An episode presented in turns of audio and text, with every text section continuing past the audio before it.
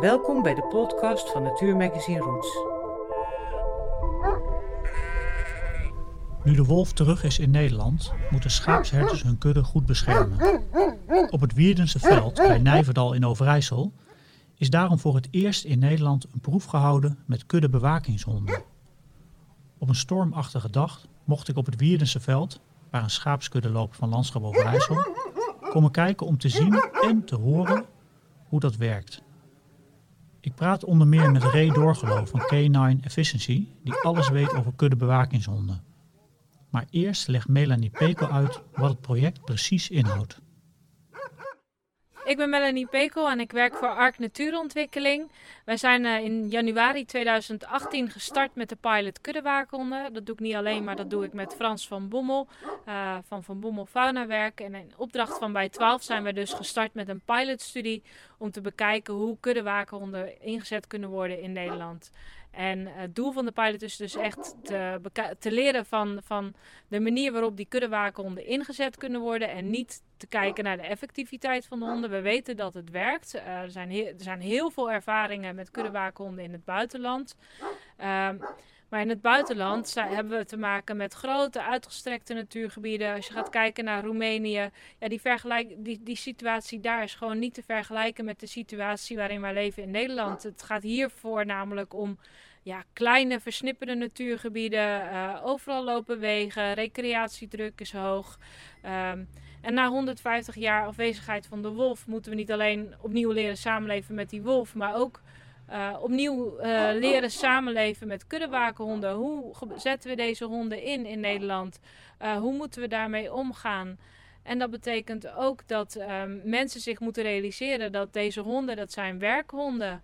Dat zijn geen huishonden, dit zijn werkhonden. En, en ook al zien ze er heel lief en aaibaar uit, het zijn geen honden die je zomaar kunt aanhalen. En als ze bij de schapen staan, dan betekent dat dus ook dat ze aan het werk zijn.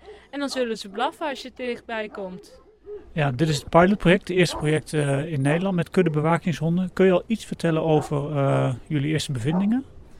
Ja, onze uh, eerste bevindingen, dat, dat is dus voornamelijk dat we gemerkt hebben dat um, mensen zichzelf geen houding weten te geven tegenover de honden. wat ik net ook al benoemde, mensen denken dat ze de honden kunnen aaien. Dat is dus niet zo. De honden die zijn aan het werk en als je te dichtbij komt, gaan ze blaffen. En uh, uh, als je na het blaffen nog niet een, een, stapje achteruit doet, dan gaan ze er misschien wel bij grommen. Ja, en dan waag het niet om over het hek heen te, heen te stappen. Want ja, dan, dan, dan, dan zullen ze echt alles doen om, om de schapen te beschermen. En dat is wel even belangrijk dat mensen zich realiseren dat het, het zijn geen huishonden Oké, en jullie hebben daar ook een speciale folder voor uitgedeeld vandaag. Dat zijn ook borden die uh, langs de rand van, uh, van het Wiersveld uh, hier staan, waar we nu staan vandaag. Ja. Um, mensen moeten dus leren omgaan met deze honden. Is dat nu wat je eigenlijk zegt? Ja, ja, mensen moeten leren omgaan met die honden. En uh, we hebben dus inderdaad een folder gemaakt. Op, dat folder, op die folder staat ook een uh, bordje. Een bordje hoe om te gaan met kuddebewakingshonden. Uh, dat bordje dat staat ook bij de schaapskooi hier op het Wierdense veld. Maar ook op de schaapskooi Twilhaar, waar André Kuhn met zijn met zijn schapen loopt. En dat is dus eigenlijk om de gedragsregels aan te geven naar de mensen toe. Dus hou afstand. Uh, kom niet uh, fietsend uh, of, of rennend voorbij. Want die honden die reageren daarop. Als je zelf met een hond loopt, hou die dan aan de lijn en laat die vooral niet los. blijf achter het hek, dus stap er niet overheen.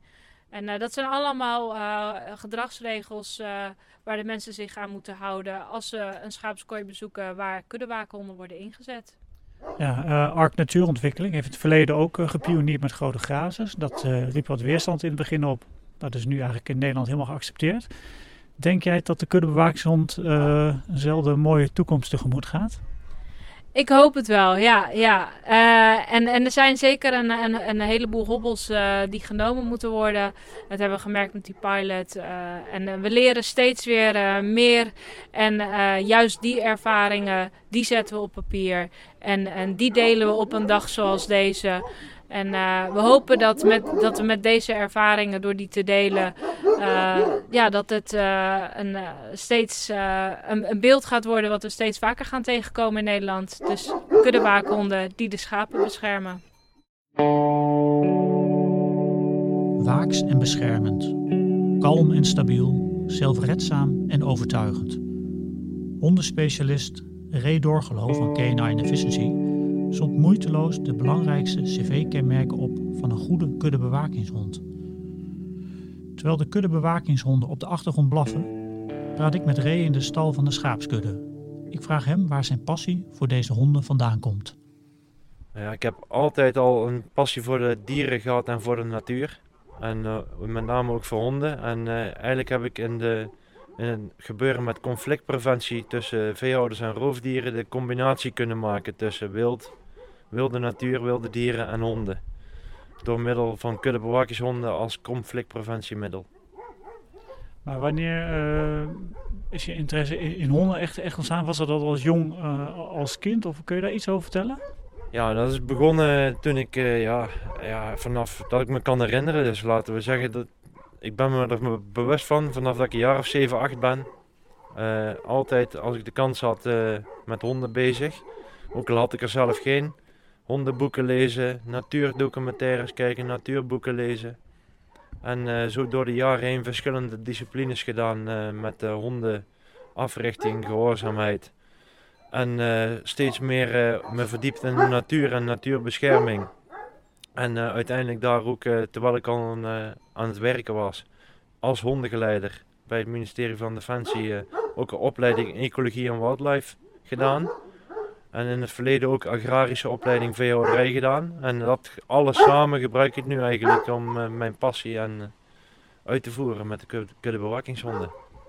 Maar kun je nog even uitleggen wanneer, echt, wanneer je echt de link hebt gemaakt tussen je, je persoonlijke belangstelling en passie voor honden en echt die uh, kuddebewakingshondenfunctie, echt de beschermingsfunctie, de preventiefunctie? De, de link naar kuddebewakingshonden, dat is echt 12, 13 jaar geleden begonnen. En 10 jaar geleden dat ik er echt in de praktijk mee ben begonnen te werken.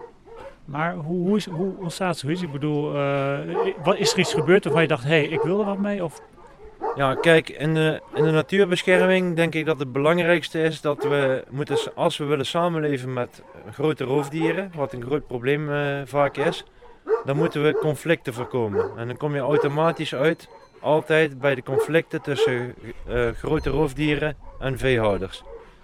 Dus uh, ja, zo is dat ontstaan. En daar zijn automatisch al heel lang, ook eeuwenlang, kuddebewakingshonden bij betrokken. En zo eh, ben ik ook in dat straatje verder gegaan. Hoe ben je echt in die kuddebewakingshondenwereld gerold? Eh, Kende jij iemand? Heb je mensen ontmoet ergens? Hoe is dat gegaan? Ik ben in 2009 uh, deeltijd ecologie, wildlife, ecologie en wildlife gaan studeren. met een klasgenoot zeiden wij eigenlijk allebei, we willen iets aan conflictpreventie gaan doen. We hebben contact gezocht met professor Dr. Jan van Haafden. Die, die troffen wij op een lezing. Zijn wij bij hem geweest. Uh, helaas is hij inmiddels overleden, maar die heeft tot late leeftijd heel veel betekend voor de Nederlandse natuurbescherming uh, en beheer. En die heeft ons ingangen gegeven naar een live project in de Europese Unie, naar Roemenië. En uh, daar hebben we contact mee opgenomen. En een paar maanden later stonden we in de bergen tracking te doen en monitoren van schaaps kuddes op conflicten. Oké, want de reden dat ik jou nu onder meer interview is dat ze hier op de Wierense veld begonnen zijn met een pilotproject met uh, kuddebewakingshonden. Ehm, jij bent een van de sprekers geweest en hebt verteld hoe dat in zijn werk gaat. Wat is een kuddebewakingshond eigenlijk? Een kuddebewakingshond is een hond die heel goed samen kan leven met vee, met allerlei soorten vee. Een hond die samenleeft met een andere diersoort die zichzelf niet kan beschermen tegen bedreigingen. En die kuddebewakingshond die leeft dus samen met die dieren en die beschermt ze tegen die gevaren. En die is heel goed in staat om uh, de lichaamstaal en het gedrag van die andere dieren te leren, te lezen, want het is natuurlijk een andere soort. Om daarmee om te kunnen gaan. En die kan dat dus eigenlijk onafhankelijk, als die op een, uh, de volwassen leeftijd is en ervaren is, onafhankelijk zonder menselijke uh, inbreng altijd veilig bij zijn. Die zal ze nooit kwaad doen, die zal ze alleen maar beschermen. Oké, want een kuddebewaakingshond is even voor mijn duidelijkheid eigenlijk gewoon een aanduiding voor een hond die bepaald werk doet, toch? Het, kan, het kunnen meerdere soorten honden zijn die dat, die dat werk uitvoeren. Ja, een kuddebewakingshond is een type hond die dus de kudde of ja, vee beschermt tegen grote roofdieren oorspronkelijk. En eh, dat is een groep waar 31 rassen ongeveer in zitten. En in Nederland worden ze vaak ook wel berghond genoemd. Maar die term die vermijden wij omdat het eigenlijk niet aanduidt wat de hond daadwerkelijk is. Oké, en de honden die hier eh, vandaag eh, om ons heen, we horen nu ook eentje blaffen op de achtergrond. Welke zijn dat? Eh, er zijn hier grote Pyreneese berghonden uit Frankrijk. Er is Kuvash uit Hongarije. Er is Akbash uit Turkije. Het zijn allemaal witte kuddebewakingshonden uit verschillende regio's. En kruisingen van die honden zijn hier aanwezig van vorig jaar. En zijn dit ook honden die bij jou vandaan komen? Nee, ik heb niks met deze honden te maken. eh, ook niks met de pilot te maken. Eh, André heeft sinds jonge jongen al ervaring als schaapherder. André is de herder hier. En eh, die heeft gekozen voor deze honden en deze types honden. En met welke type honden werk jij? Wij werken zelf met Roemeens-Karpatische herdershond. Dat is eh, een van de vier kuddebewakingshonden uit Roemenië en de meest efficiënte en atletisch gebouwde ook. Ook eh, de oudste die nog echt het werk doet, waar weinig in gecreëerd is met de moderne ras. En eh, dat is de enige ras waar wij zelf thuis mee werken, maar we hebben natuurlijk ook met meerdere rassen gewerkt bij herders elders in Italië, Spanje, Portugal en in Roemenië. Ja, je eens uitleggen hoe dat gaat? Stel, ik ben een eh, schaapherder en ik wil graag eh, met kuddebewakingshonden gaan werken. Ehm, ik bel je op en ik zeg van, ik heb interesse in, in deze honden. Hoe gaat het dan verder? Ja, dan gaan we praten over of die interesse wel diepgaand genoeg is. Dat de mensen echt willen gaan werken met kuddebewakingshonden. Dan gaan we kijken naar de situatie van die schaapherder of die schapenboer. Eh, en wat dat toelaat eh, qua kuddebewakingshonden en wat er eventueel aangepast zou moeten worden. Als we op een punt komen dat we kun- kunnen concluderen dat die schaapherder het echt wil en dat het ook mogelijk is en eventuele aanpassingen gedaan worden, gaan we kijken naar wat voor honden, welke type honden het beste daar zouden kunnen. En eh, ja, dan eh, is het afhankelijk of die hier in Nederland aanwezig zijn of niet. En waar we dan in het buitenland gaan kijken in werklijnen of we iets kunnen vinden. En we kunnen wel iets vinden, maar dat is dan het traject dat we volgen. Oké, want stel dat, dat bij een bepaalde schaapherder een bepaald type hond wordt die jij dus eh, zelf thuis niet eh, fokt. Ik weet niet, fokken is het denk ik. Dan ga jij op zoek in Europa, want jij kent dus allemaal mensen die dit ook doen. En dan haal je die honden op en dan? Eh, ja, of ik die honden ophaal of dat er met een transportbedrijf gebeurt, dat, dat is ook in overleg natuurlijk.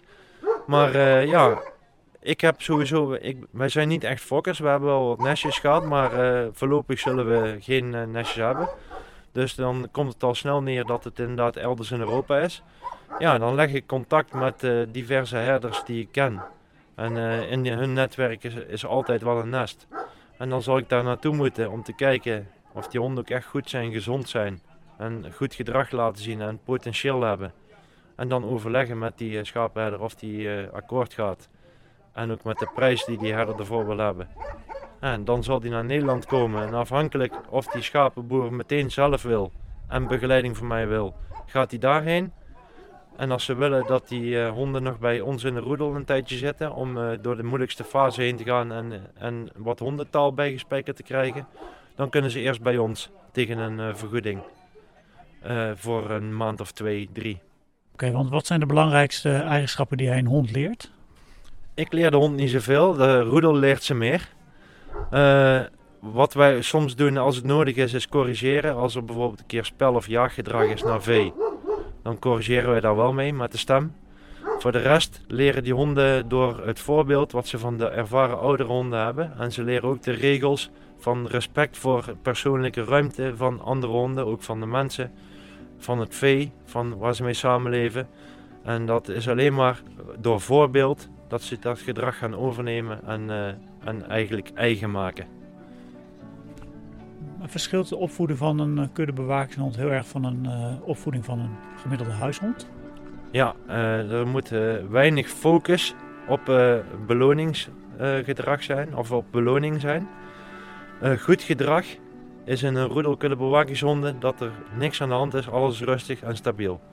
Verkeerd gedrag worden ze gecorrigeerd, ofwel door grommen en als het ernstiger is kunnen ze ook een keer een snauw of een, of een correctiebeet krijgen van die honden. Dus uh, wat er in, in, de, in de huishondentrainingenwereld heel veel gebeurt, is het focussen en uh, het belonen en het extra nadruk leggen op gedrag wat we willen zien. En waar we door de hond eigenlijk enthousiast maken en druk maken. En, en negatief gedrag proberen we zoveel mogelijk te negeren, of probeert men zoveel mogelijk te negeren. En dat werkt bij deze honden niet zo, want die honden moeten altijd buiten bij het vee leven. Dus die moeten zo rustig mogelijk zijn, zo kalm en stabiel mogelijk. En we moeten nergens nadruk op leggen, want die honden leren heel snel als iets interessant gemaakt wordt of benadrukt wordt. Dan, worden ze, ja, daar, dan gaan ze zich daarop richten terwijl we dat niet willen. Dus ik weet niet of ik het zo goed heb uitgelegd, maar het is eigenlijk meer hands-off. Oké, want die honden leven ook, uh, die leven dus veel meer buiten dan een huishond natuurlijk. Ja. Leven die echt 365 dagen per jaar buiten? Of hoe, hoe werkt dat? Ja, die honden zijn altijd buiten bij het vee. Als we natuurlijk in Nederland uh, of in West-Europa uh, met een schapenstal of een koeienstal, waar ze ook zitten, werken, dan kunnen ze daar natuurlijk ook in de stal. Wat die boer wil. Maar uh, ja, traditioneel gezien, als we naar de kuddes kijken in Roemenië, dan uh, zien we bijvoorbeeld dat die schapen het hele jaar buiten staan, behalve de ooien die gaan lammeren. En de honden zijn ook altijd buiten.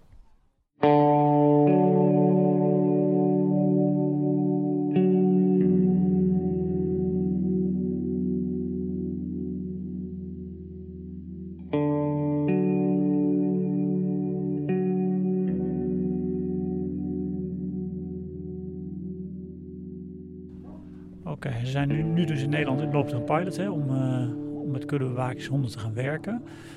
Waar beschermen ze de kudde eigenlijk tegen? Ze beschermen de kudde tegen alles wat uh, die kudde kwaad wil doen of kan doen.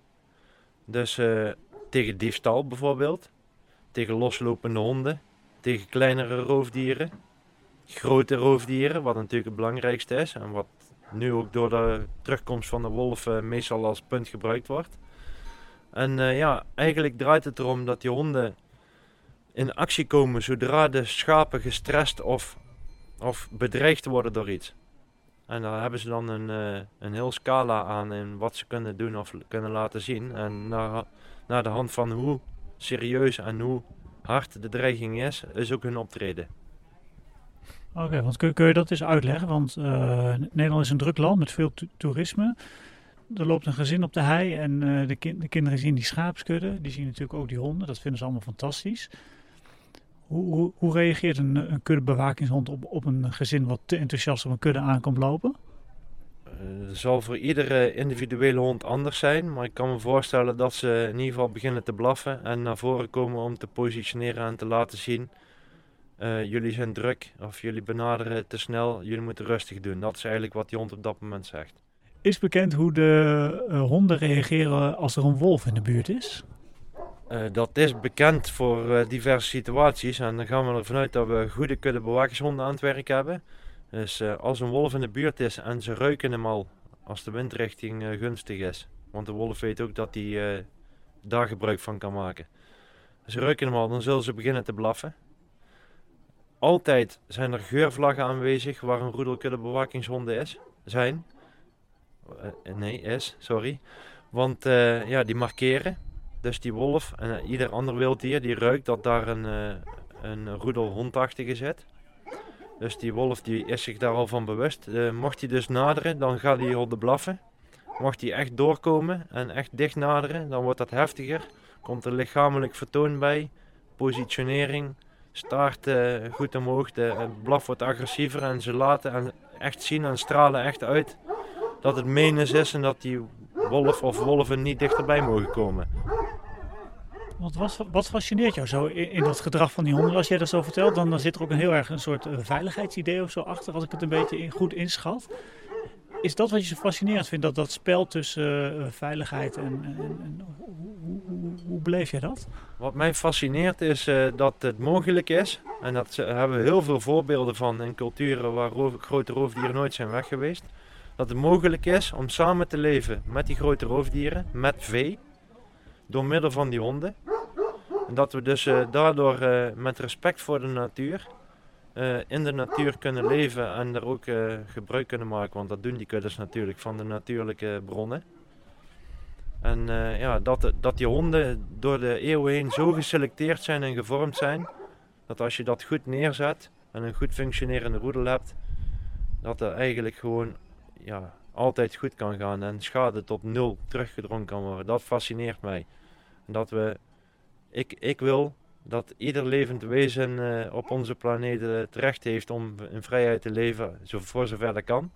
Wilde dieren zijn, naar mijn mening, de enigste echte vrije wezens. En eh, als we dan een manier hebben zoals deze, met dieren door mensen geselecteerd zelfs, dat, dat het samenleven bewerkstelligd kan worden, dat is echt ja, voor mij geweldig. En daar geniet ik van. Nog even over, eh, over, de, over de, de kuddebewakingshond als eh, oplossing voor, eh, voor het wolvengevaar. Is het de oplossing in jouw ogen of is het een combinatie van, eh, van beschermingsmaatregelen? Hoe zie je dat? Het is eh, de oudste en meest geavanceerde oplossing, maar het is niet de oplossing. Want eh, als men niet met honden wil werken of met die honden wil werken en er geen tijd in wil steken, moet, ze, moet men er vooral niet aan beginnen. Want het zijn levende wezens en die hebben de beste eh, basis nodig om te kunnen functioneren. De mensen moeten erachter staan. Mensen die het wel willen, dan is eh, het niet, ook niet de oplossing, want het is altijd in combinatie met enkele goede, goede middelen die we ook hebben. En dat zijn goede afrastering met stroom, een nachtkraal, wat niet per se met stroom hoeft, maar wat in de traditionele culturen, wat ik vandaag ook heb laten zien in mijn presentatie, gewoon met houten, houten hekjes is. Dat zijn verrijkingen eh, die goed in combinatie te, te gebruiken zijn met kuddebewakingshonden. Dus het is nooit alleen de of het middel.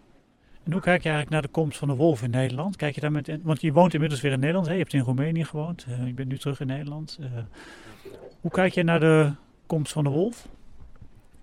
Ja, de wolf die is op eigen houtje teruggekomen. Maar ik had liever gezien dat hij het niet had gedaan.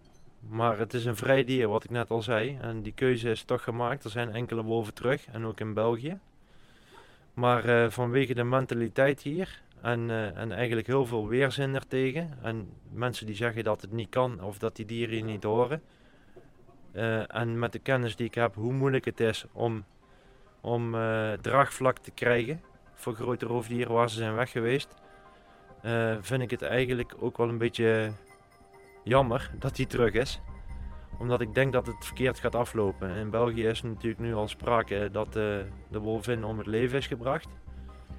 Eh, en dat zou hier ook kunnen gaan gebeuren. Er zijn al heel veel agressieve anti-geluiden. Dus ja, hoe zie ik de terugkomst van de wolf naar Nederland? Eigenlijk een beetje als een triest feit. Hoeveel ik, er ook van hou dat, eh, dat die dieren er zijn. En, en hoeveel recht ik ze ook vind hebben dat ze mogen leven. Ik had liever dat ze in uitgestrekte wildernisgebieden eh, hun plekje konden vinden. Maar ook helaas nemen die steeds ver- verder af. Ja, want eh, de komst van de wolf zorgt voor veel conflicten in Nederland. Ehm, de kuddebewakingshonden kunnen die conflicten misschien voorkomen. Dus je zou kunnen zeggen, het is een kans voor, voor, voor, jou, voor jouw bedrijven en voor die honden. Ja, het is een kans, maar eh, de canine efficiency is nooit iets wat heel erg commercieel of eh, groot zal zijn. Vanwege de beperkingen die er ook aan zijn aan, aan het kuddebewakingshonden gebeuren. En kuddebewakingshonden kunnen ook weer conflicten veroorzaken. Vanwege ja, in, dat we in Nederland toch vaak zeuren over een blaffende hond. Of eh, dat mensen denken dat ze in natuurgebieden alles kunnen doen en hun huishonden los kunnen laten. En zou een keer een conflict of een confrontatie kunnen ontstaan. Dus ja, er is een kans en eh, die grijpen we ook aan. En iedereen die wil en waar er draagvlak is en mogelijkheid is, zullen we ook helpen en begeleiden. Maar eh, het is niet per se alleen maar positief. Nou, eh Ray, dankjewel voor, voor je tijd ten eerste. Nog even over dat blaffen op de achtergrond. Do- doen alle kuddebewakingshonden dat? Nee, hier zijn er zes of zeven, heb ik geloof ik André horen zeggen. En dan zijn er twee die iets vaker blaffen. Maar eh, er zijn er ook een stel die helemaal niet meer blaffen eh, sinds wij hier op en af zijn gelopen. Dus eh, eigenlijk kan je zien dat, dat er individueel verschil tussen zit. En dat heeft ook te maken met die hiërarchieke rang die, die, zo'n hond van nature heeft. De wat meer onzekere en lager geplaatste dieren zullen sneller blaffen. dan de hoger geplaatste zelfverzekerde dieren. Die hebben al lang door en die hebben dat niet nodig. Dus om, om een kort antwoord te geven of het kort samen te vatten, nee, het is geen gegeven dat uh, altijd zoveel blaffen.